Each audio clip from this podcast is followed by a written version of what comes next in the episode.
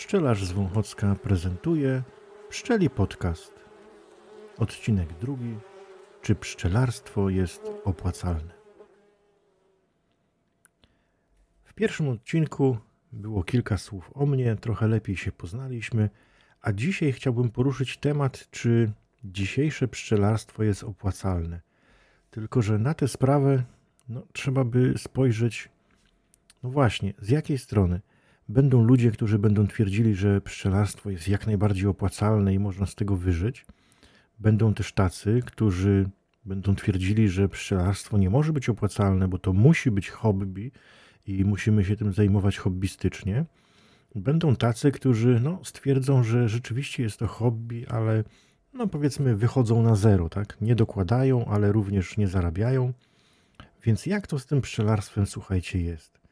No, najważniejsze to zrobić jakieś założenie, z jakiego punktu na sprawę będziemy patrzeć, tak? Bo wiadomo, że ktoś, kto ma na przykład 100 rodzin pszczelich, no prawdopodobnie będzie na tym odpowiednio dużo zarabiał. Ktoś, kto ma 2-3 ule w ogrodzie, albo na przykład chce dopiero zacząć pszczelarstwo, no może nie być tak dobrze jakby przyjmowany na rynku, tak? bo trzeba brać pod uwagę, że sprzedaż produktów pszczelich bardzo często odbywa się tak z polecenia, tak? Więc ktoś nowy no, nie będzie miał tego rynku zbytu.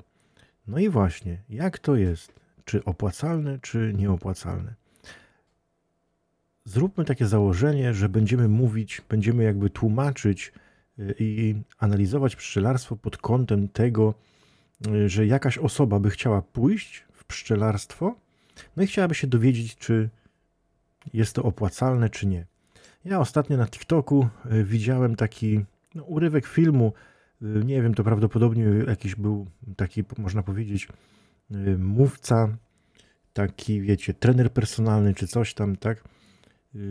I było tam takie zdanie, że nie wszystko to, co się opłaca, warto i nie wszystko to, co warto, się opłaca.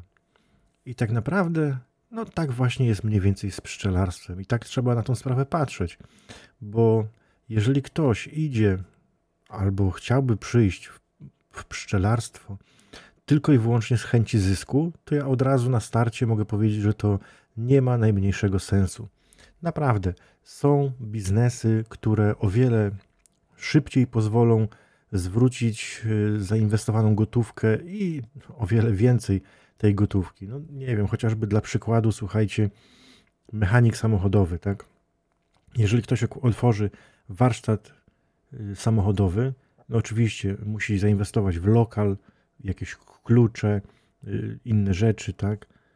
Ale później ma tak, że jeżeli będzie dobrym mechanikiem, no to drzwi się nie będą zamykały, tak? Będzie klient za klientem. Z pszczelarstwem tak nie jest, bo nawet jeżeli ktoś będzie dobrym pszczelarzem, będzie miał dobre zbiory miodu, no to niestety klienci nie przyjdą tak od razu, tak? Trzeba będzie z tym miodem się tu i ówdzie wystawić. I mam dla Was taką historię, bo parę lat temu, gdy zacząłem prowadzić sklep pszczelarski, miałem takiego gościa, to był taki pan, no, starszy człowiek już y, przechodzący na emeryturę. I y, kiedy do mnie przyjechał do sklepu, pamiętam, że to był grudzień, bo to było tak jakoś przed świętami. No i tam rozmawialiśmy i pan twierdził, że mm, no, lata całe pracował w Niemczech. Y, nie wiem dokładnie, wiecie, bo to też tak nie, jakby no, nieładnie jest dopytywać, tak, wypytywać się. W każdym razie twierdził, że był albo jakimś projektantem, albo jakimś takim, nie wiem, architektem, inżynierem, czy coś tam, bo tak z rozmowy wynikało, że pracował przy budowie y, różnego rodzaju stadionów, na przykład, takich dużych centrów handlowych ale właśnie mówił, że jakieś tam projekty robił do tego. No także słuchajcie, no, człowiek taki zamożny można powiedzieć, bo wypłatę podejrzewam dostawał no, srogą. Nie był to taki y, pracownik fizyczny, który tam powiedzmy, nie wiem, robił tynki czy nosił cegły i on właśnie na te święta wrócił do domu, y, tam żeby się spotkać właśnie z rodziną y, i później mówił, że jeszcze no, musi tam jechać z powrotem do, do, do, do tej pracy, ale mm, w kolejnym roku, mniej więcej tam w okresie wakacyjnym, będzie już wracał do Polski na stałe, bo przechodzi na emeryturę i mówi, że chciałby odpocząć, no bo ta, ta praca, którą on miał, to te projekty to są właśnie jakieś takie bardzo wymagające, bardzo taka odpowiedzialna jest to praca, tak? I to go oczywiście tak psychicznie, można powiedzieć, męczyło. No a zawitał do mojego sklepu pszczelarskiego, bo yy, takie, wiecie, miał a, bo wie pan, tam szwagier na końcu wsi to ma ule y, i tam u niego to cały czas klienty, drzwi się nie zamykają, cały czas klienty. No ja tak pomyślałem, że wracam teraz z tych Niemiec, no pieniądze jakieś tam mam odłożone, chciałbym jakiś biznes otworzyć, no i y, chciałbym właśnie ule. No bo widzę, że ten szwagier to tyle tego miodu sprzedaje, że to jest opłacalne, dochodowe i w ogóle. Nie? No i tak ogólnie rozmawialiśmy, no taka rozmowa była, y, no wiecie, jak ktoś jeszcze nie ma w ogóle pojęcia o, mm, o pszczołach, czy w ogóle o pszczelarstwie, a właśnie traktuje to jako jakiś tam biznes, no to starałem się w jakiś tam sposób y, człowiekowi wytłumaczyć, tak. Okazało się, że mm, jakby to powiedzieć, no gość był takim dzbanem, że y, przyjechał do mnie chyba w grudniu, no z trzy albo cztery razy, siedział za każdym razem, no nie wiem, z dwie godziny i tam różne rzeczy właśnie wypytywał o sprzęt, co on musi kupić, co on musi zrobić, jak tam to wszystko pozgłaszać, tak, w tym y, u weterynarii, w sanepidzie i tak dalej, żeby wszystko było w pełni, w pełni legalne. No i gość był takim dzbanem, że nawet zakupów nie zrobił później u mnie, tylko ode mnie wywiedział się po prostu wszystkiego, a pojechał gdzie indziej i zrobił zakupy gdzie indziej. No ale już tam niech będzie, tak? Moja strata, y, cóż zrobić. No i słuchajcie, gościu to mm, kupił 20, z tego co pamiętam, to chyba 20 uli, nowiutkie, wiecie, bo no pieniądze miał, tak? Nie był człowiekiem biednym, miał pieniędzy sporo, więc y, kupił z tego co pamiętam 20 rodzin pszczelich, 20 nowiutkich takich uli. Później y, był u mnie jeszcze mm, właśnie wiosną, też przyjeżdżał chyba, to były, z tego co pamiętam, to chyba święta Wielkanocy właśnie było, że przyjechał do rodziny. No i mówił, że tam y, właśnie pracownię pasieczną, jak tylko tam się cieplej zrobi, to zaczną mu tam budować. Y, później też był raz i pokazywał nawet zdjęcia tej pracowni, więc wiecie, można powiedzieć, że wszedł w biznes na grubo. Y, wielka pracownia pasieczna, kafle od samej podłogi do samego sufitu, miodarka taka olbrzymia na 54 ramki, sprzętu po prostu co niemiara, tak? No, stać go było, tak? No i później widzieliśmy się znowu, długo, długo go nie było i chyba znowu właśnie gdzieś tak przed świętami w grudniu przyjechał, no i mówił, że no w ogóle mu to nie, nie idzie, tak, że w ogóle miodu nie wziął, że te 20 rodzin to takie darmozjady i szczerze powiedziawszy, wiecie, no ja nie wiem, ja jestem jakby może z, z tej takiej starej pszczelarskiej ekipy, y, no nie jestem jakimś tam dziadkiem 70-letnim, tak, ale mam jakiś taki wrodzony, wpojony, szacunek dla pszczół, tak? To są owady, ale pracują jakby na mnie, tak? Więc ja się odnoszę, jakby mówiąc o moich pszczołach, odnoszę się z jakimś takim, no nie wiem, szacunkiem można by powiedzieć, tak? No a gościu mówi, że takie, tak, no bardzo brzydko się wyrażał o tych swoich rodzinach pszczelich, nie będę cytował. W każdym razie, że, że darmozjady to takie, można powiedzieć, najłagodniejsze określenie, że nic mu miodu nie przyniosły, że, że no po prostu nic, nie? Ja mówię, wie pan co, no ale to nie jest tak, że że się postawi te ule w ogrodzie i, i wszystko będzie ok, tak? I pszczoły tam tony miodu naniosą. Jakie ma pan pożytki, jakie ma pan w okolicy to pastwisko pszczele, tak? On nie wie, on się nie zna, on nie wie nawet jakie drzewa rosną na posesji, zero jakiejkolwiek wiedzy, tak? No i niestety taka osoba, jak się nie zna, no to wyników raczej nie będzie miała jakichś tam bardzo dużych. Później znowu go jakiś czas nie było i w kolejnym roku z tego co pamiętam, to jakoś tak przed jesienią, bo trzeba było karmić pszczoły, więc przed, y, chyba wrzesień był, yy, znowu przyjechał, mówił, że tam trochę tego miodu wziął, że no już coś tam się dzieje, fajnie, że to drugi rok, że już lepsze wyniki są. Yy, przyjechał po pokarm, żeby pszczoły nakarmić, no ale y, jak usłyszał cenę jakby, to stwierdził, że za drogo i, i pojechał, tak, że tam niby, że będzie cukrem karmił, gdzieś tam w markecie kupi na przecenie i, i tak to jakby będzie robił, tak? Że to taniej go wyjdzie niż kupić taką gotową karmę, inwert do karmienia pszczół. Y, później znowu go nie było przez jakiś czas i przyjechał wiosną, pytając się mnie, y, czy ja nie znam kogoś, kto chciałby się tą jego pasieką zająć. Że on zapłaci oczywiście tak, żeby ktoś tam się po prostu tym zajmował. Ja mówię, że nie wiem, nie mam pojęcia, nie pomogę, zarobiony jestem. Y, no bo, no bo po prostu nie znam, tak? Znam pszczelarzy, którzy, wiecie, mają swoje pasieki, są zajęci swoimi rzeczami, a nie tam jeszcze cudzych doglądać, nie? Tym bardziej, że, no, mówię, no gość był taki, no niezbyt miły w obyciu, takie podejście miał do, do życia i do innych ludzi bardzo niemiłe, więc mówię, też nie będę kogoś jakby na, na no, z polecenia, nie będę kogoś tam wysyłał, tak, żeby go na minę wrzucić, bo się potem okaże na przykład, że, no, nie wiem, goś nie płaci czy coś. Yy, Później okazało się, że kogoś znalazł.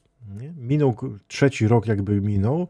No i y, przyjechał do mnie jesienią i mówił właśnie, że no, nic znowu nie idzie, tak? Że ma pszczelarza i ten pszczelarz tam się tymi ulami zajmuje i dogląda i wszystko robi, tak? A no, miodu nimo. Y, potem na jesieni się okazało, że pszczół nimo. Y, no i jak to ten szwagier to to wszystko robi? Nie? Ja mówię, no wie pan co, no, skoro to pana rodzina, no to być może warto by było po prostu pójść do szwagra i porozmawiać, żeby pomógł czy coś, nie? Nie, nie, bo no, szwagier to, wiecie, brzydki wyraz musiałbym użyć, także też o szwagrze bardzo źle się wyrażał, ale no w oku jakby, wiecie, jak wielka kłoda, w oku mu właśnie się działo to, że ten szwagier ten miód sprzedaje, że ma rynek zbytu, że, że te pszczoły ma i pszczoły mu noszą ten miód, a on nie. I to jest taka przypowieść właśnie o tym, że no nie zawsze jakby mm, nie zawsze możliwości, tak, czyli właśnie ta duża gotówka, że on mógł tak naprawdę wszystko kupić na gotowo, tak, nie musiał gdzieś tam zaczynać od, wiecie, jednego odkładu, potem robić sobie kolejne, nie musiał gdzieś tam bidować, tylko po prostu z grubej rury wjechał, kupił 20 rodzin, kupił 20 uli, od, odwalił piękną pracownię pasieczną, ale bez wiedzy, no nie bez wiedzy człowiek nie jest w stanie nic z pszczołami zrobić, bo no oczywiście są takie lata, są takie lata, że wystarczyłoby te pszczoły w ogrodzie postawić, zostawić w świętym spokoju, i one tego miodu naniosą. Rzeczywiście, no zdarzają się takie lata. Ale są takie lata, gdzie trzeba pszczoły w międzyczasie, w sezonie nawet, między pożytkami dokarmiać, żeby po prostu nie padły z głodu. No tylko, że trzeba po prostu mieć pojęcie o pszczołach, trzeba y, robić przeglądy, zaglądać, wiedzieć, co w ulu, że tak powiem, piszczy, żeby móc odpowiednio reagować. No a tutaj jak widać, no, były pieniądze, był dobry start, ale wiedzy zero, i wyników też zero. I tak to właśnie jest z pszczelarstwem, że to nie jest prosty taki kawałek chleba. Kiedyś ktoś na TikToku u mnie, na którego Was oczywiście serdecznie zapraszam, mój TikTok nazywa się Pszczelarz z Wąchocka i jeżeli jeszcze nie macie aplikacji TikTok, to polecam Wam zainstalować. Słuchajcie, ja na początku myślałem, że TikTok to jest taki hmm, portal, gdzie nastolatki półnagie kręcą tyłkami. Okazało się jednak po czasie, że jest to no, dość ciekawy portal, gdzie można znaleźć też sporo ciekawych informacji. Są tam konta takie typowo powiedzmy naukowe, edukacyjne. Więc jeżeli jeszcze nie macie TikToka, bo właśnie wydaje Wam się, że to jest dla, dla młodego pokolenia, to polecam zainstalować i y, algorytm TikToka będzie Wam dobierał jakby to, co Wam się pojawia, według tego, co Was interesuje. Tak więc, jeżeli będziecie oglądali Pszczelarza z Wąchocka, to będzie Wam się y, pojawiał jego filmy. Więc zapraszam, zapraszam jak najbardziej i wracając do tematu, ktoś kiedyś na TikToku mnie zapytał właśnie o, o mm, pszczelarstwo pod takim kątem, czy można z pszczelarstwa zarobić na przykład tam 5000 miesięcznie, tak? No wszystko fajnie, tylko to znowu zależy nowa osoba, która przyjdzie do pszczelarstwa, tak, która postawi sobie na przykład, nie wiem, 10 uli w ogrodzie, nawet weźmy pod uwagę, że na przykład będzie nawet miał wiedzę odpowiednią ktoś, jakąś tam miodarkę kupi, tak, i no, będzie w jakiś tam sposób działała na rynku, no trzeba brać pod uwagę, że od razu nie zdobędzie jakiejś tam olbrzymiej klienteli, bo tak jak mówię, pszczelarstwo bardzo często jest z polecenia, można oczywiście ten, tę sprzedaż jakby przyspieszyć, no, wystawiając się na różnego rodzaju festynach, na targach i tak dalej, ale tu znowu dochodzi do tego, że jakby no, to jest nasz koszt, tak? Sprzedaż jakby jednego słoika jest zyskiem i wszystko zależy od naszych kosztów tak naprawdę, bo jeżeli byśmy nie rozpatrywali żadnych kosztów, czyli na przykład dojazdów na pasiekę, tak, w tej z powrotem, nie, nie obliczylibyśmy na przykład sobie zużycia prądu na wirowanie, tak, zakupu słoików, karmienia pszczół, leczenia pszczół i tak dalej, no to moglibyśmy się posługiwać takim prostym wzorem, że no ilość słoików sprzedanych, powiedzmy tam po jakiejś tam kwocie, daje nam zysk, tak? I czasami tak jest, że można to w jakiś tam prosty sposób obliczyć, no ale właśnie dochodzi do tego, że trzeba obliczyć też koszty. I te koszty tak naprawdę no, u różnych pszczelarzy będą różne i nie da się tutaj jakby y, tak uprościć tego, tak? Bo ktoś może na przykład mieszkać w miejscu bardzo dobrym pod względem pożytków. Może mieć taką taśmę pożytkową od samego początku, gdzieś tam od klonów, leszczyn, wierzb, po na przykład, nie wiem, nawłoć czy wrzos, tak? I może mieć każdy pożytek, bo mieszka w takim miejscu, gdzie i trochę akacji jest, i jest na przykład lipa, tak? I są jakieś rolnicy, którzy na przykład sieją facelię, e, grykę, gorczycę, no wiecie, po prostu miejscowość na przykład jakaś tam może tętnić e, takim życiem rolniczym, tak? A ktoś może mieszkać gdzieś, gdzie tego nie ma, gdzie jest na przykład, nie wiem, łąki są, las i znam takich ludzi, którzy tak naprawdę na przykład mieszkając przy lesie, wirują miód tylko raz w roku, spadziowy, jeżeli się trafi, tak? A wszystkie inne miody, jakieś wcześniejsze, wielokwiat, na przykład taki wczesny, wiosenny, który my teraz nasze pszczoły zbierają, to oni zostawiają w ulach. Dla nich to jest jakby pożytek rozwojowy, nie towarowy. Towarowy jest spać, na którą oni czekają i albo się trafi, albo się nie trafi, tak?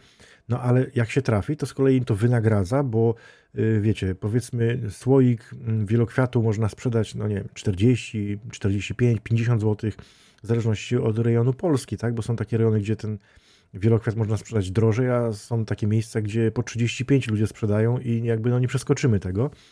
A na przykład taką spać można pogonić za 80 zł, czy tam 90 za słoik. Więc jakby jest różnica i czasami właśnie jedno się opłaca zostawić po to, żeby pozyskać drugie. No ale właśnie, to jest miejsce takie, wiecie, no jedno na milion. Gdzieś naprawdę jakaś dobra miejscowość jest, dobry las, jodłowy na przykład, tak? I, i po prostu dobrze mieszkamy, tak?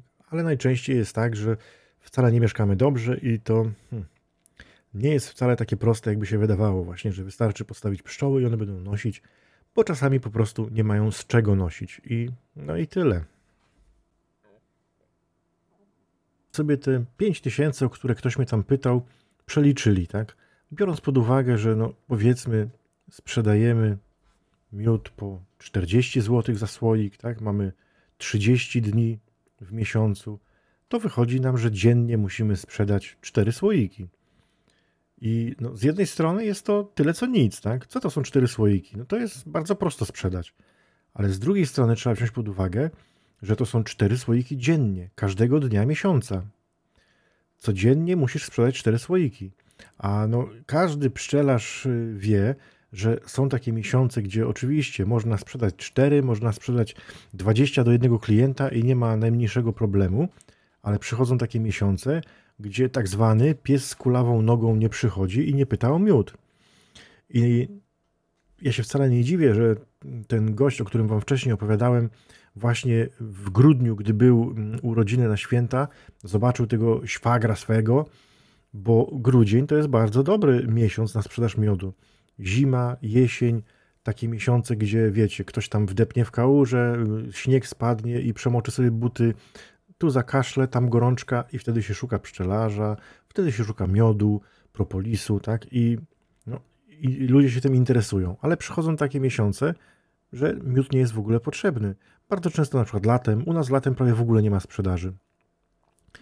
Yy, I nie wiem dlaczego, ale na przykład u nas jest tak już drugi rok z rzędu, że słuchajcie, w grudniu jest rewelacyjna sprzedaż, do świąt mniej więcej. I święta czy Sylwester to jest taki po prostu jakby nożem odciąć, skalpelem przeciąć i zero sprzedaży. Styczeń to jest po prostu tragedia. Nawet starzy klienci tacy stali nie przychodzą i drugi rok tak jest z rzędu i szczerze powiedziawszy nie wiem, nie wiem na, na czym to polega, jaka jest zasada tego, ale tak się to dzieje. No i tak to właśnie jest, że nie zawsze jakby tak jest prosto. No ale trzeba brać pod uwagę, słuchajcie, że jeżeli ktoś tam mnie pytał, czy można 5000 zarobić, to ja tutaj mówiłem 40 słoików, tak? 4 dziennie, znaczy 40 zł za słoik, 30 dni, 4 słoiki dziennie, ale weźmy właśnie pod uwagę, że to jest bez jakichkolwiek kosztów. To jest po prostu tak, gdyby nam te słoiki spadły z nieba. A jeżeli sobie doliczymy na przykład, że rodziny musimy przeleczyć, y, o dwa razy i apiwarol na przykład u weterynarza kosztuje 78 zł, 80 zł za opakowanie, no to już trzeba wydać, tak? Jeżeli na przykład y, musimy zakarmić pszczoły na zimę i no minimum to jest powiedzmy wiaderko inwertu na ul, gdzie inwert w tym roku to nie wiadomo jak będzie, ale na przykład w zeszłym roku inwert potrafił kosztować prawie 100 zł za 15-kilogramowe wiaderko, no to już się też nie robi różowo, tak? Poza tym, wiadomo, no są inne koszta jeszcze y, dojazdu na pasiekę, jeżeli ktoś na przykład nie ma pasieki właśnie pod domem, tylko musi mm, wyjeżdżać do, do pasieki. Jeżeli musi na przykład wywozić pszczoły, bo oczywiście można mieć pasiekę pod domem i wszystko fajnie, ale właśnie można pod domem nic nie zbierać. Y, pszczoły mogą zbierać tylko i wyłącznie na swoje utrzymanie i jeżeli ktoś chce tak naprawdę zarobić, no to musi wywozić te pszczoły. I po pierwsze musi znaleźć jakieś miejsca, lub miejsce na wywóz, tak? dogadać się z, powiedzmy z jakimś rolnikiem, żeby do niego wywieźć. Bardzo często jest tak u nas w kraju, że rolnikowi trzeba jeszcze zapłacić. W innych krajach jest całkowicie inaczej. Na przykład w Stanach Zjednoczonych, jak y, pszczelarze przywożą pszczoły na migdały, to dla niektórych pszczelarzy, słuchajcie, yy, głównym źródłem dochodu nie jest miód, który oni pozyskają od rodzin pszczelich, tylko opłata za to, że te rodziny przywieźli na zapylanie migda migdałów. U nas niestety tak nie jest i u nas bardzo często trzeba jeszcze odpalić rolnikowi no, różne kwoty. Przyjęło się mówić, że słoik od ula, niezależnie od tego, czy pszczoły w ogóle zebrały jakiś miód, czy nie, słoik od ula, tak? Czyli no, z jednej strony nie jest to dużo, no bo średnia, powiedzmy, taka statystyczna średnia u nas w kraju jest podawana jako 25 kg z ula. Czyli powiedzmy, jak dałem mu tam to nawet 900, to, no to nie jest jakoś tam strasznie dużo, więc można się wykosztować, no ale jest to znowu koszt, tak? Koszt słoików, koszt etykiet. Także jeżeli policzymy te wszystkie koszty, no to wychodzi, że te cztery słoiki, które na początku mówiłem, no to wcale tak nie jest, bo się okazuje na przykład, że trzeba sprzedać 8 dziennie, żeby zarobić te, te 5 tysięcy, powiedzmy, z pszczelarstwa. Tak?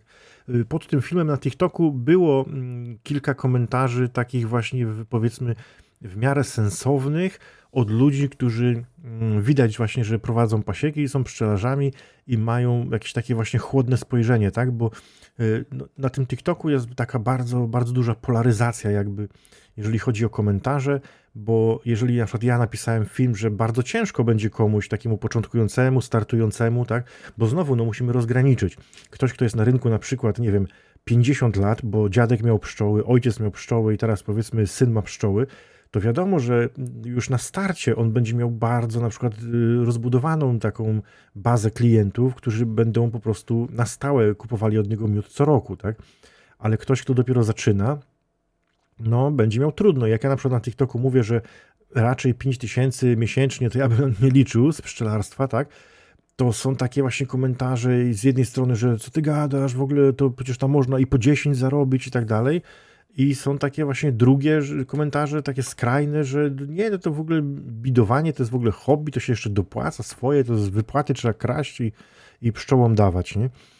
I no było kilka takich powiedzmy głosów rozsądku y, ludzi, którzy st rzeczywiście stwierdzili, że no tak, jak najbardziej, oczywiście, można mieć 5 tysięcy powiedzmy na rękę z pszczelarstwa miesięcznie, ale trzeba brać pod uwagę, że to nie tylko ze sprzedaży miodu, ale trzeba już być bardziej kompleksowym, tak? Czyli na przykład sprzedawać jeszcze matki, odkłady, pyłek, pierzgę, propolis, maści, świeczki. Wiecie, ktoś, kto się jakby rozbuduje, tak? I ma szerszy asortyment niż tylko po prostu miód, no to wiadomo, że zarobi więcej i no, być może taką wypłatę powiedzmy mm, sobie zarobi, tak?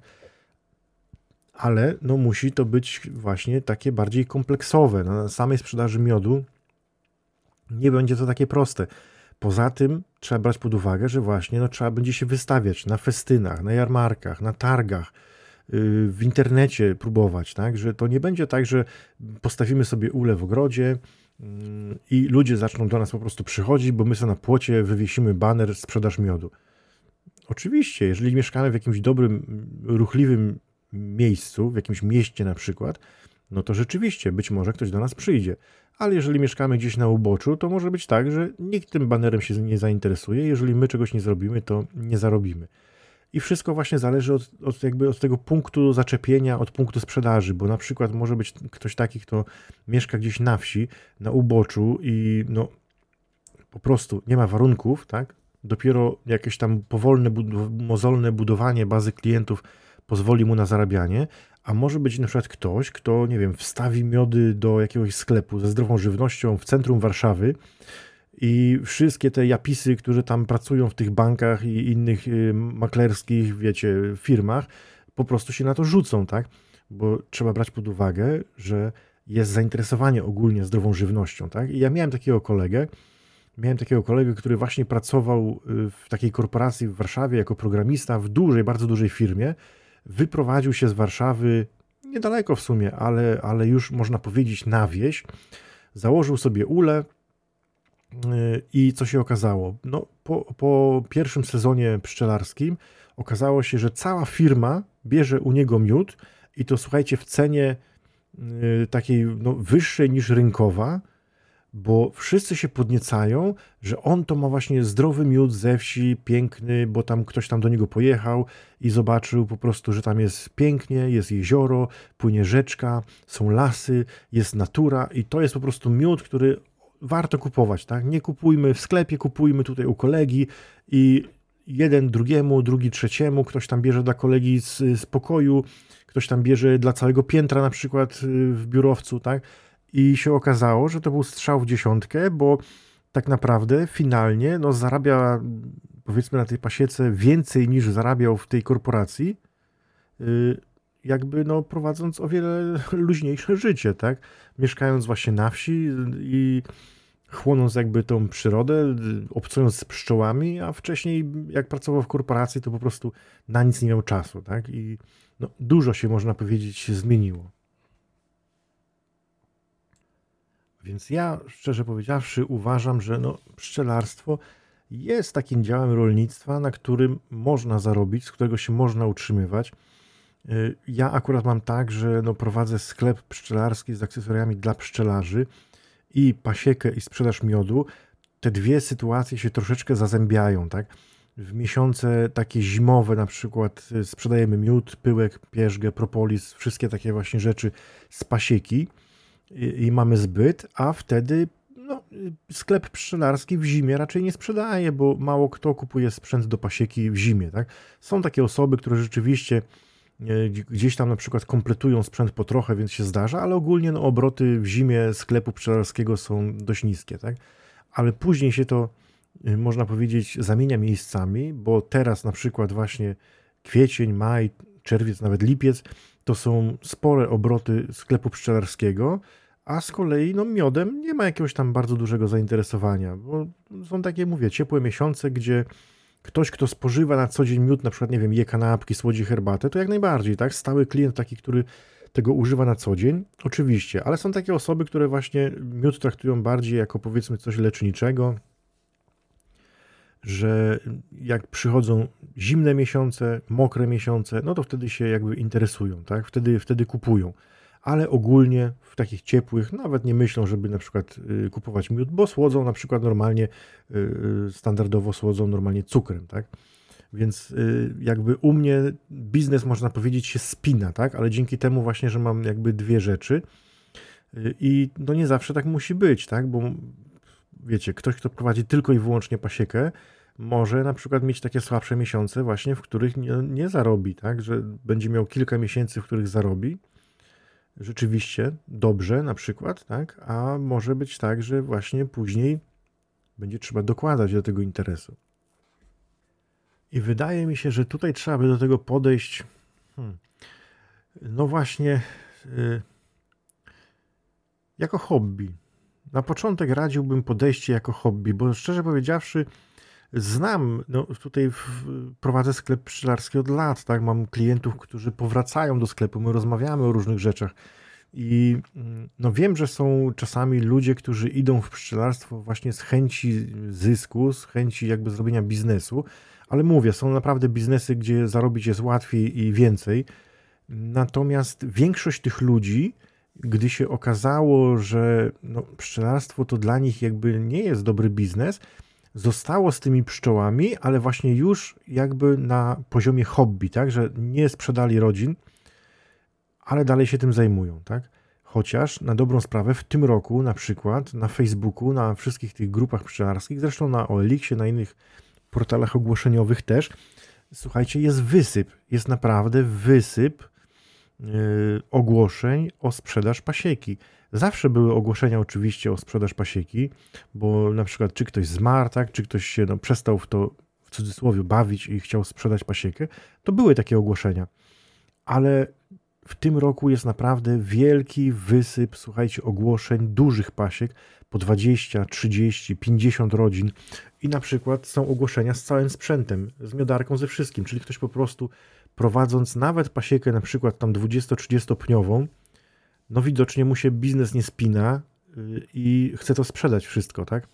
Bo oczywiście no są jakieś tam przypadki, że nie wiem, ktoś się na przykład okazało, że jest nagle nabył, można jakby nabyć uczulenie, tak? Że można być żądlonym powiedzmy przez pszczoły przez lata i nic się nie dzieje i nagle po prostu jakby no, nasz organizm jakoś tam alergicznie na to reaguje. Można, oczywiście, wtedy trzeba pasiekę sprzedać, tak?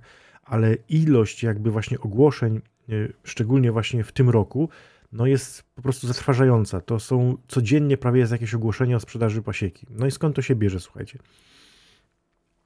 Bo to, że komuś się biznes nie spina, to oczywiście jak najbardziej, no to wiadomo, ale dlaczego? Dlaczego ktoś, kto na przykład prowadzi pasiekę, nie wiem, 5 lat, miał rynek zbytu i w ogóle i nagle sprzedaje, tak? No niestety, mamy wysyp różnego rodzaju mm, tanich rzeczy. Było zboże techniczne, tak, i różne takie rzeczy i mamy też bardzo, bardzo dużo miodu, słuchajcie. Y, co ciekawe, jakiś tam ostatnio czytałem artykuł, mm, że wbrew pozorom u nas na rynku wcale nie ma dużo tego miodu z Ukrainy. Oczywiście, no to jest tam, wiecie, w tysiącach czy tam milionach ton, ale nie jest go dużo, że więcej jest niby chińskiego. Nie wiem, jakby nas miało to uspokoić, bo no, chiński jest jeszcze gorszy. Trzeba brać pod uwagę, że to są kraje, które są poza Unią Europejską i one, oni stosują różnego rodzaju leki, substancje, które są u nas niedopuszczone, więc pozostałości tych substancji, bardzo często na przykład rakotwórcze, no w tym miodzie są, tak? I mamy bardzo dużą ilość takiego miodu na rynku i pszczelarze, którzy po prostu prowadzą, można powiedzieć, legalnie swoje pasieki, chcieliby legalnie sprzedawać swój miód po cenie, no, która jest jakby wynikową kosztów, no okazuje się, że nie za bardzo mają jaki, jak ten miód sprzedać w takiej cenie, bo jest zalew taniego miodu po prostu. I no niestety, słuchajcie, jeżeli wejdziecie na OLX i wpiszecie sobie na przykład, czy nam sprzedajemy.pl, tak? I jeżeli wpiszecie sobie miód hurt, to zobaczycie, że tych ogłoszeń jest naprawdę bardzo dużo. Słuchajcie, na wiadra, na beczki są ogłoszenia gotowe, rozlane w słoiki, i to, że ten miód jest jakby na rynku, tak, że na przykład, nie wiem, jest kupowany, rozlewany gdzieś tam i sprzedawany później w marketach, y, wiecie, na półkach stoi ten miód taki magiczny, co się nigdy nie krystalizuje na półce w sklepie, tylko zawsze jest płynny, to by było wszystko ok, tak? Bo bylibyśmy w stanie edukować klienta, mówiąc, że wie pani co, czy tam pan, y, ja mam miód prawdziwy, u mnie skrystalizował, tak? Krystalizacja jest naturalna, miód marketowy jest, wie pani, tani, ale niskiej jakości i super, nie? I my tak bardzo często klientom tłumaczymy, że ktoś tam mówi, że drogo, drogo i ja mówię, proszę pani, czy proszę pana, proszę iść, Biedronka, Lidl, inne takie markety, tak? Tam jest miód po 19 zł za kilo, można kupić tam tani. U nas jest miód wysokiej jakości i on niestety musi kosztować, tak? I to by nie, było, nie byłoby problemu, gdyby tak było, że taki miód importowany pojawiałby się w marketach. Ale słuchajcie, bardzo, niestety, bardzo często jest tak, że mamy nie pszczelarzy, tylko takich handlarzyków miodem. Ktoś ma y, w ogródku 2-3 ule, kupuje miód w beczkach, leje w słoiki, nakleja swoje własne etykiety i to sprzedaje. I to, że ten miód jest jakby tani w zakupie, to powoduje, że on też może go tanio sprzedać. I są bardzo często takie sytuacje, na przykład, że ktoś na no, średnia cena w, na przykład tam, nie wiem, w województwie, czy w powiecie, czy w jakimś tam rejonie jest na przykład za słoik 50 zł, tak? I to jest cena normalna, każdy się do takiej ceny, można powiedzieć, przyzwyczaił. Weźmy na przykład wielokwiat, tak? Każdy się do takiej ceny przyzwyczaił i tak to jest. I nagle pojawia się ktoś, kto taki sam wielokwiat sprzedaje po trzy dyszki. I wszyscy pszczelarze lokalni no, mają problem bo bardzo często jest tak, że klient przychodzi i mówi: Panie, pan to jest złodziej, bo pan za miód chce 50 zł, a tam jest gość, który sprzedaje ten sam miód po 30. A przecież mieszkacie w tej samej miejscowości, to to jest ten sam miód, pszczoły z tego samego przyniosły, nie? No i co zrobić? Tak to niestety po prostu jest, że tych handlarzyków pojawiło się bardzo dużo. Zresztą na Facebooku ostatnio był taki post, taka grafika nawet, ktoś tam pisał, że postawi se dwa ule w ogrodzie, tak? Zgłosi, że ma 100, dostanie dotację, dostanie refundację, pieniążków będzie miał pełno. Miód sobie kupi właśnie importowany, będzie miał pełno słoików do sprzedaży. I taki post, no niby żartem, tak? Ale no niestety jest tak, że są tacy ludzie, są tacy ludzie i tak po prostu robią. I mam taki przykład właśnie też na, na sklepie pszczelarskim. Y, w zeszłym roku, chyba czy dwa lata temu, miałem taką sytuację, że dwóch panów się minęło w bramie. Jeden wchodził do sklepu, drugi wychodził, nie? I ten, ten drugi coś tam kupował tego i pyta się o tego, który wychodził, a pan zna go, nie? Ja mówię, że no nie, no, znaczy no, nie, nie tyle, że znam czy nie znam, no ale y, po prostu no, przyjeżdża do sklepu, że kojarzę jakby, że nie jest jakby pierwszy raz, tak? A on mówi, panie, przecież to mój sąsiad jest, nie? Ja mówię, no to fajnie, nie? Ale to ani, tak, ani cześć, ani dzień dobry, nic, tak się minęli bez słowa w tej bramie. A on mówi, nie panie, bo to no, na, na CH, nie? Ten wyraz. Ja mówię, no dobra, jak tam, jak tam pan uważa, nie? Ale mówię, jak sąsiad, no to tak nieładnie trochę o sąsiedzie. A on mówi, wie pan co, sąsiad to ma pięć uli w ogrodzie, tak, żeby było widać, że coś tam się dzieje, tak? Yy, te ule to w ogóle puste są, pszczół nie ma. A miód, panie, to przyjeżdża do niego w nocy. Bo ja ostatnio, jak byłem chory, yy, to w nocy wstawałem na siku, tak, i któregoś dnia, no po prostu wyszedłem na balkon zapalić papierosa. I z balkonu widziałem, jak do niego bus podjechał, dwie beki miodu wielkie z busa wytaczali i gdzieś tam zaraz do pracowni pasiecznej nie? zatoczyli. No i tak to właśnie jest, że przez to, że tacy ludzie się na rynku pojawili i nie ma możliwości jakby weryfikacji tego, tak? No bo teoretycznie nawet nie ma gdzie takiego gościa za bardzo zgłosić, tak? Że na przykład sprzedaje miód, i, i, a nie ma pszczół, nie? Bo każdy powie, a co mnie to interesuje. No i przez to jest tak, że tacy, można powiedzieć, prawdziwi pszczelarze, którzy no, mają pszczoły, pozyskują swój miód i chcieliby go sprzedawać po prostu no, nie po kosztach, tylko tak, żeby zarobić, no, mają z tym problem. No i na domiar złego trzeba brać pod uwagę, że pszczelarstwo jest bardzo, ale to bardzo zależne od warunków atmosferycznych, od pogody. Tak? Jeszcze bardziej niż normalne, że tak powiem, konwencjonalne rolnictwo. Bo jeżeli rolnik sobie tam zaora, tak, posieje coś, to czy jest ciepło, czy jest zimno, czy jest deszczowo, to jemu rośnie. Być może wolniej, być może gorzej, ale plon zbierze, tak?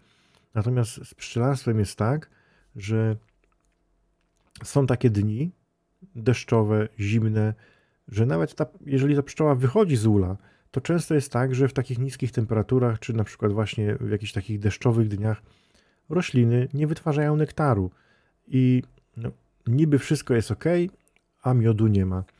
Więc mm, no, nie zawsze też będzie prosto pozyskać swój miód i podejrzewam, że właśnie dlatego tacy handlarze się pojawili, tak? Bo są takie lata, że o miód jest bardzo łatwo. Był taki rok, nie pamiętam teraz dokładnie, chyba 2017-18, rzeczywiście był takim, przynajmniej tutaj u nas w Świętokrzyskim, chociaż chyba wszędzie, był rokiem rewelacyjnym. Od samej wierzby do samej nawłoci po prostu non-stop był jakiś pożytek. Myśmy żartowali, że miodarki to można nie myć, bo po prostu co tydzień było wirowanie.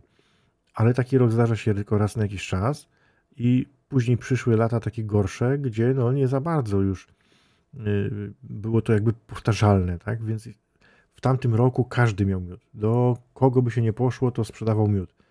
A kolejne lata pokazały, że miód mają tylko ci, którzy mają odpowiednią wiedzę, odpowiednio przygotowane rodziny i tak dalej, że taki powiedzmy mm, prosty pszczelarz bez wiedzy, no, powiedzmy w tym, w tym jednym roku wziął miód bez problemu, bo mówię, to się aż z uli wylewało, ulewało, tego było pełno. I nawet ktoś, kto nie ma wiedzy, brał wtedy i wirował.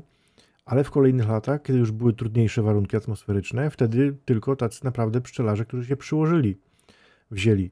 I ja mam takie też przypadki właśnie w sklepie, że ostatnio nawet był pan i rozmawialiśmy, y, ma pszczoły trzecią zimę jakby, teraz była trzecia zima i mówi, że ani słoika miodu swojego nie spróbował. Kilka razy, że tak powiem, obcyckał plaster y, i tyle. No i tak się zdarza niestety, że wcale nie jest powiedziane, że ktoś ma, jest takie ten, że kto ma, kto ma pszczoły, ten ma miód, kto ma dzieci, ten ma snorut, tak? Ale to wcale się nie musi sprawdzać, bo są takie osoby właśnie, które na przykład pszczelarzą trzeci rok i mają pszczoły, a nie mają miodu. Bo wiedzy mało.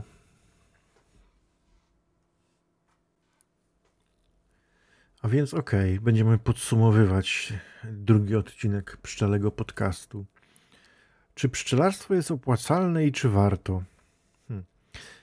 Może tak. W mojej opinii, ja uważam, że warto nie nastawiać się na pieniądze. Warto iść w pszczelarstwo, bo jest to naprawdę cudowne zajęcie. Pszczoły są naprawdę no, świetnymi kompanami, tak? Można się bardzo wielu ciekawych rzeczy o pszczołach dowiedzieć. Obserwowanie pszczół, no, Wiadomo, że jednych będzie to kręciło, drugich nie. No ale ja uważam, że naprawdę warto tak, zająć się pszczelarstwem, ale przynajmniej na początku, jeżeli ktoś idzie w pszczelarstwo, to zająć się tym hobbystycznie. Czyli właśnie y, no, być skłonnym nawet dołożyć do interesu po to, żeby pszczołom było dobrze. A tak naprawdę jakby przekształcenie tego w biznes, jakiś sposób na życie, zarabianie na tym, czy dorabianie powiedzmy do normalnej pracy – przyjdzie później, po prostu samo, naturalnie jakoś tak, bo może być tak, że założymy dwa ule i zostaniemy z tymi dwoma ulami. Przez wiele lat będziemy sobie po prostu obserwować życie pszczół. Będziemy brali wiaderko miodu, które nam starcza na przykład na cały sezon, tak, tylko dla nas. Nie będziemy tym handlować i będzie super fajnie. A może być tak, jak bardzo często zresztą jest, że no z tych dwóch uli się nagle zrobi cztery, a w kolejnym sezonie pójdą rójki, to się zrobi osiem a bardzo często jest tak, że z dwóch to się robi 20 już po pierwszym sezonie. Jeżeli chodzi o powiększanie pasieki, to to akurat nie jest problem. Potem jest właśnie problem, żeby to utrzymać. I, i może być właśnie tak, że to przejście takie jakby z hobby w biznes będzie takie łagodne, naturalne i wtedy to wyjdzie samoistnie i będzie fajne. No bo trzeba brać pod uwagę, że rzeczywiście no, trzeba będzie budować długo taką stabilną, powiedzmy, bazę swoich klientów, albo wejść, powiedzmy, właśnie powiedzmy we współpracy z jakimś sklepem zielarskim, na przykład z jakąś taką, no nie wiem, warzywniakiem, nie? gdzieś wstawiać swoje miody, gdzie po prostu będzie jakby no, większy zbyt.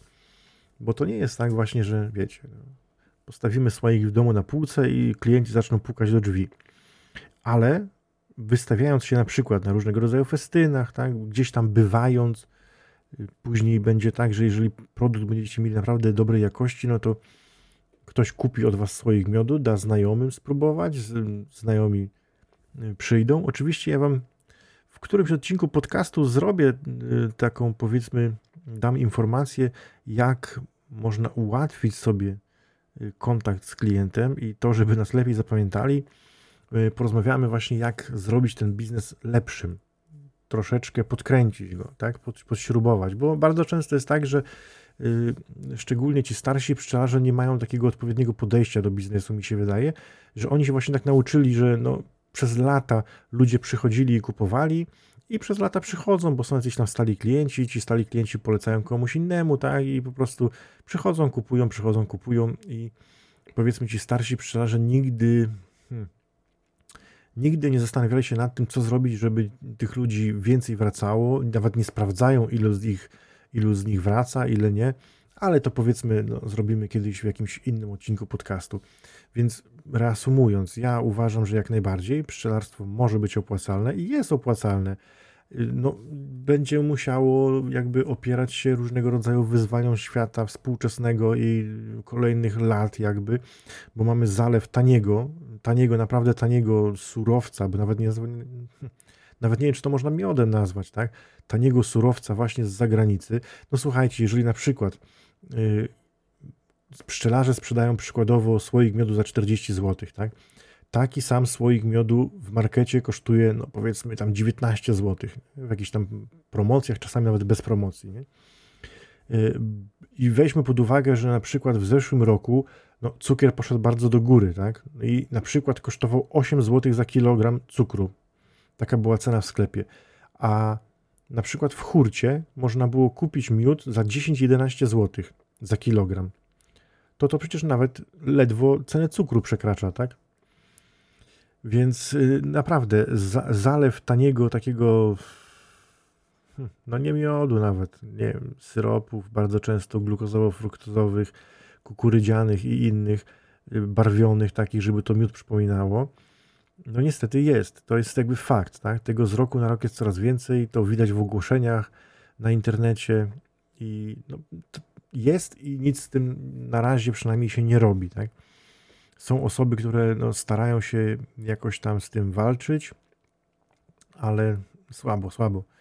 Na razie nie idzie, więc no, będziemy się musieli z czymś takim mierzyć. No, ja mam nadzieję, że ja zawsze powtarzam klientom, że no, miód u mnie to jest miód, tak? Ja tam kleję swoją etykietę, daję swoje imię, nazwisko, mm, zresztą pokazuję, bo wysyłamy miód na przykład na badania, czy na przykład przewodności, tak? żeby określić, czy jest spadziowy, czy nektarowy, na analizy pyłkowe, tak? I u mnie te papiery wszystkie są, są do wglądu przez klienta. Y, ja się z tym nie kryję, bo dla mnie jakby posiadanie na przykład wyników analizy pyłkowej czy badania przewodności, no jest dla mnie jakby plusem, tak, że ja mogę potwierdzić klientowi, że to, co mam, to jest to, co ja mówię, że mam, tak, a nie, nie wiadomo co w słoiku. Więc y, myślę, że warto. Zobaczymy, bo y, dawniej w Kowrze było takie badanie miodu było refundowane. Na razie Agencja Restrukturyzacji przejęła refundację i no, była tylko refundacja na sprzęt, matki, odkłady i leki. Zresztą na moim kanale na YouTubie, na który też, też, też ale się zaplątałem, na który też Was zapraszam. Nazywa się on oczywiście Pszczelarz z Wąchocka. Y, mówiłem bardzo dużo o refundacjach, pokazywałem jak wypełnić wszystkie te wnioski, gdzie tam się logować w, tym, w tej, tej platformie elektronicznej agencji, ale właśnie badań miodu, badań wosku, y, tego jeszcze nie było w tym roku. Zobaczymy, albo jesienią będzie, albo na przyszły rok. I myślę, że warto, warto. No, trzeba, wiecie, pszczelarz to jest. Pszczelarze od zawsze byli i od zawsze będą prawdopodobnie, i no, ci, którzy się będą w stanie utrzymać na rynku, to się będą utrzymywali. Ci, którzy w jakiś sposób y, nie traktują tego, powiedzmy, no nie wiem, to, nie, nie chciałbym powiedzieć, że nie traktują poważnie, no bo to źle może zabrzmieć, tak? ale no skądś powiedzmy się bierze, te, te ogłoszenia się biorą o sprzedaży pasiek całych w tym roku razem ze sprzętem. Y, no być może podejście, być może, no trudno powiedzieć, y, trudno powiedzieć skąd to się bierze, że ludzie właśnie rezygnują z, z, z pszczelarstwa i sprzedają wszystko. Hmm. Szkoda trochę, szkoda trochę, no ale właśnie y, niestety w ostatnich latach ten rynek zrobił się dość ciężki i no, od razu mogę powiedzieć wszystkim nowym, którzy idą w pszczelarstwo, że będzie ciężko się utrzymać na rynku, bo no bo będzie ciężko. Ale, ale da się, da się. Trzeba, trzeba walczyć, tak? Musimy być tą ostoją jakby y, dobrego produktu. No, nawet jeżeli nas zalewa gdzieś tam wschodni jakby to nazwać, produkt wschodni, użyję takiego słowa, żeby nie mówić brzydko, no to myślę, że są klienci świadomi, którzy dobrze wiedzą i ja zresztą staram się na przykład na moim TikToku edukować i zawsze powtarzam, nie musicie kupować u mnie, bo wiecie, ja tam na TikToku mam ludzi no, z całego świata, bo i bardzo dużo ludzi jest z Polski, ale dużo ludzi jest z zagranicy. I ja zawsze powtarzam, nie musicie kupować u mnie. Naprawdę, nie musicie. Ja bardzo dużo mówię o pszczołach, bardzo dużo mówię o miodzie, pokazuję różne ciekawe rzeczy, ale poszukajcie pszczelarza w swojej najbliższej okolicy, w swojej miejscowości, w swoim powiecie. I to takiego pszczelarza, wiecie, że jak mu zaglądniecie cichaczem przez płot, to on tam będzie miał pszczoły. I jeżeli przyjdziecie powiedzmy, nie wiem, w sobotę czy w niedzielę, tak? Bo może być tak na przykład, że w tygodniu pszczelarz pracuje normalnie na etacie. Jeżeli przyjdziecie tam w sobotę, niedzielę czy w jakiś inny dzień i zaglądniecie przez płot, to jeszcze zobaczcie, czy on przy tych pszczołach w ogóle pracuje. Że on otwiera te ule, coś tam robi, zagląda, ramki przekłada, tak? Żeby, wiecie, właśnie, żeby wyeliminować tych trzymaczy właśnie, co to mają puste ule, a beczki miodu w garażu. I zawsze mówię, że znalezienie pszczelarza w okolicy jest najlepszym rozwiązaniem, zaufanego, od którego po prostu będziecie brali miód. I ja myślę, że jest bardzo dużo klientów, którzy rzeczywiście są świadomi y, i wiedzą, że po prostu posiadanie takiego zaufanego pszczelarza jest no, kluczem do sukcesu, tak? Bo wiecie, jak to jest. Na targach też bardzo często y, sprzedają różni ludzie. U nas na przykład na targu taki pan sprzedawał kiedyś miód, miał tam chyba, słuchajcie, nie wiem, ze 20 słoików, przy czym każdy słoik inny. I wyglądało to tak, że niektóre zakrętki to wyglądały jakby były w ogóle używane, takie lekko poobstukiwane, pordzewiałe, więc no strach, strach, bez etykiety oczywiście, miód bez niczego, strach kupować, nie wiadomo co tam w środku było, czy to w ogóle miód był. Więc tak mi się wydaje, że znalezienie takiego pszczelarza, który jest zaufany, ma pszczoły, zajmuje się tym, wiruje. Ja na przykład pokazuję wirowanie, zresztą nie, nie tylko ja, bo wielu pszczelarzy yy, pokazuje wirowanie na przykład na Facebooku, tak? Pokazuje ramki, jak wyciągam z ula i są pełne miodu, że jest to jakby weryfikowalne, że to jest tak naprawdę mój miód, nie? Yy, bo no cóż, już nie mówmy o tych handlarzach. już nie mówmy o tych handlarzach, bo naprawdę no, to się naprawdę z cyzory w kieszeni otwiera, ale cóż zrobić? No oni są, trzeba jakoś po prostu z nimi walczyć i, i tyle. I być może kiedyś będą jakieś systemowe rozwiązania, być może jakieś, nie wiem, przepisy, przepisy zostaną wprowadzone, że ten proceder e, importu taniego surowca z zagranicy zostanie zakończony, no bo to naprawdę nie ma sensu, tak? Ta pszenica, o której tyle mówią w telewizji, też miała tylko przejeżdżać przez nasz, nasz kraj, a nie miała być tutaj rozładowywana i trafiać do młynów i nie miały być z tego produkty robione, no ale niestety stało się, tak? I tak samo jest z miodem, no być może kiedyś ktoś się tym zajmie i to będzie tylko przejeżdżało gdzieś dalej, chociaż nie wiem, czy dalej ktokolwiek jest zainteresowany, tak? Gdzieś na zachodzie takim niskiej jakości miodem, bo wydaje mi się, że chyba niekoniecznie. Słuchajcie, 52 minuty. Rozgadałem się w drugim odcinku podcastu Pszczelego straszliwie. Nie wszystko jeszcze powiedziałem, ale ogólny zarys myślę jest, więc jak najbardziej. Jest pszczelarstwo opłacalne, jeżeli jest kompleksowe, jeżeli odpowiednio do tego podejdziemy, ale słuchajcie, to jest tak jak z każdym innym biznesem, tak? Jeżeli, nie wiem, weźmiemy kombinerki i śrubokręt i będziemy udawać mechanika samochodowego, to my nic nie zrobimy, tak? Jeżeli kupimy, nie wiem, porządny komplet kluczy, podnośnik i tak dalej, będziemy mieli wiedzę, jak reperować samochody, yy, albo no nie wiem, weźmiemy kogoś, kto ma wiedzę, ale odpowiednio go, wiecie, zmotywujemy, wynagrodzimy i tak dalej, no to będziemy mieli sukces, tak? I tak samo jest z pszczelarstwem. Jeżeli jest kompleksowe, jeżeli skupiamy się na pozyskaniu, powiedzmy, miodu, pyłku, pierzgi, Y, propolisu, robimy krople propolisowe, robimy maści, robimy świece na przykład z wosku pszczelego, tak? To jak najbardziej. Wtedy pszczelarstwo kompleksowo może być no, dobrym mm, na początku, mm, dobrym sposobem na dorobienie, na przykład do swojego etatu. No bo tak się rzucać na tylko pszczelarstwo, no słuchajcie, to chyba nie, chyba nie. Chyba, że zawodowo kilkaset uli, wtedy, wtedy być może ale to też no, nie jest wcale tak prosto. Więc najpierw wiedza, najpierw hobby i później biznes sam przyjdzie. A my co? A my się żegnamy, słuchajcie, prawie godzinny podcast. Mam nadzieję, że no, dowiedzieliście się czegoś ciekawego, jakiegoś takiego mojego spojrzenia na, na, na pszczelarstwo. Oczywiście możecie się zgadzać, możecie się nie zgadzać, ale musimy, wiecie, musimy pewne rzeczy uśredniać, bo ja rozumiem, że ktoś, kto ma na przykład 100 uli i jest pszczelarzem 20 lat, od razu powie, że pszczelarstwo się opłaca, tak? A ktoś, kto dopiero zaczyna, ma 5 uli w ogródku, to powie, że on do tego dokłada. Więc no, musimy patrzeć na to, że tak naprawdę punkt widzenia zależy od punktu siedzenia i tyle. Żegnam się z Wami dzisiaj. Bardzo dziękuję za wysłuchanie mojego długiego, długiego wywodu i mam nadzieję do usłyszenia w trzecim odcinku Pszczelego Podcastu.